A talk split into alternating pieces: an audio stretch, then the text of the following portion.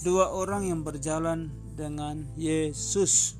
Waktu itu sore hari pada hari Paskah, dua orang murid Yesus berjalan ke Emmaus.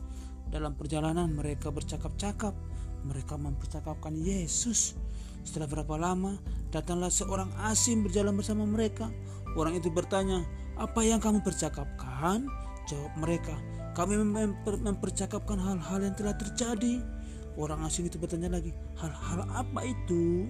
Jawab mereka, engkau tidak tahu? Apakah engkau tidak mendengar tentang Yesus? Kami menganggapnya seorang nabi besar. Kami menganggapnya raja besar kami. Tapi imam-imam kepala menangkapnya dan dia wafat di kayu salib. Kami beranggapan dia sungguh akan menjadi juru selamat.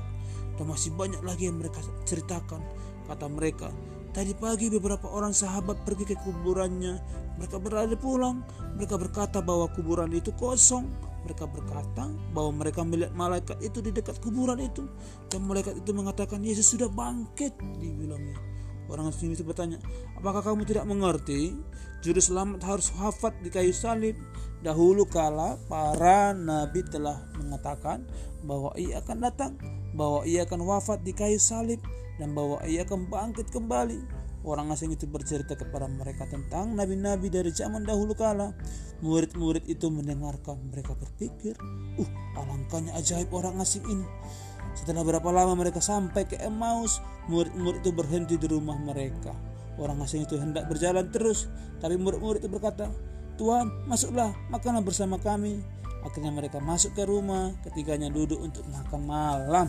Lalu orang asing itu mengambil roti, ia menengadah ke langit dan memohon kepada Allah untuk memberkati roti itu.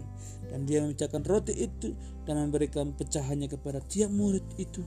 Ketika mereka melihat orang asing itu memecahkan roti, tiba-tiba mereka sadar, oh itu siapa? Ih, itu adalah Yesus sendiri bercakap-cakap sama mereka. Tapi pada saat itu juga Yesus sudah menghilang dari tengah-tengah mereka. Kedua murid itu asing itu berpandangan dengan mata yang berbinar-binar. Ih, kita sudah ketemu sama Tuhan Yesus. Kata mereka, ya tidak mengherankan kita menganggapnya orang yang ajaib. Sungguh luar biasa. Ayo kita ceritakan sama murid-murid. Akhirnya mereka pergi ke murid-murid Tuhan Yesus yang lain untuk menceritakan bahwa mereka sudah jumpa sama Tuhan Yesus di jalan ke Emmaus. Amin.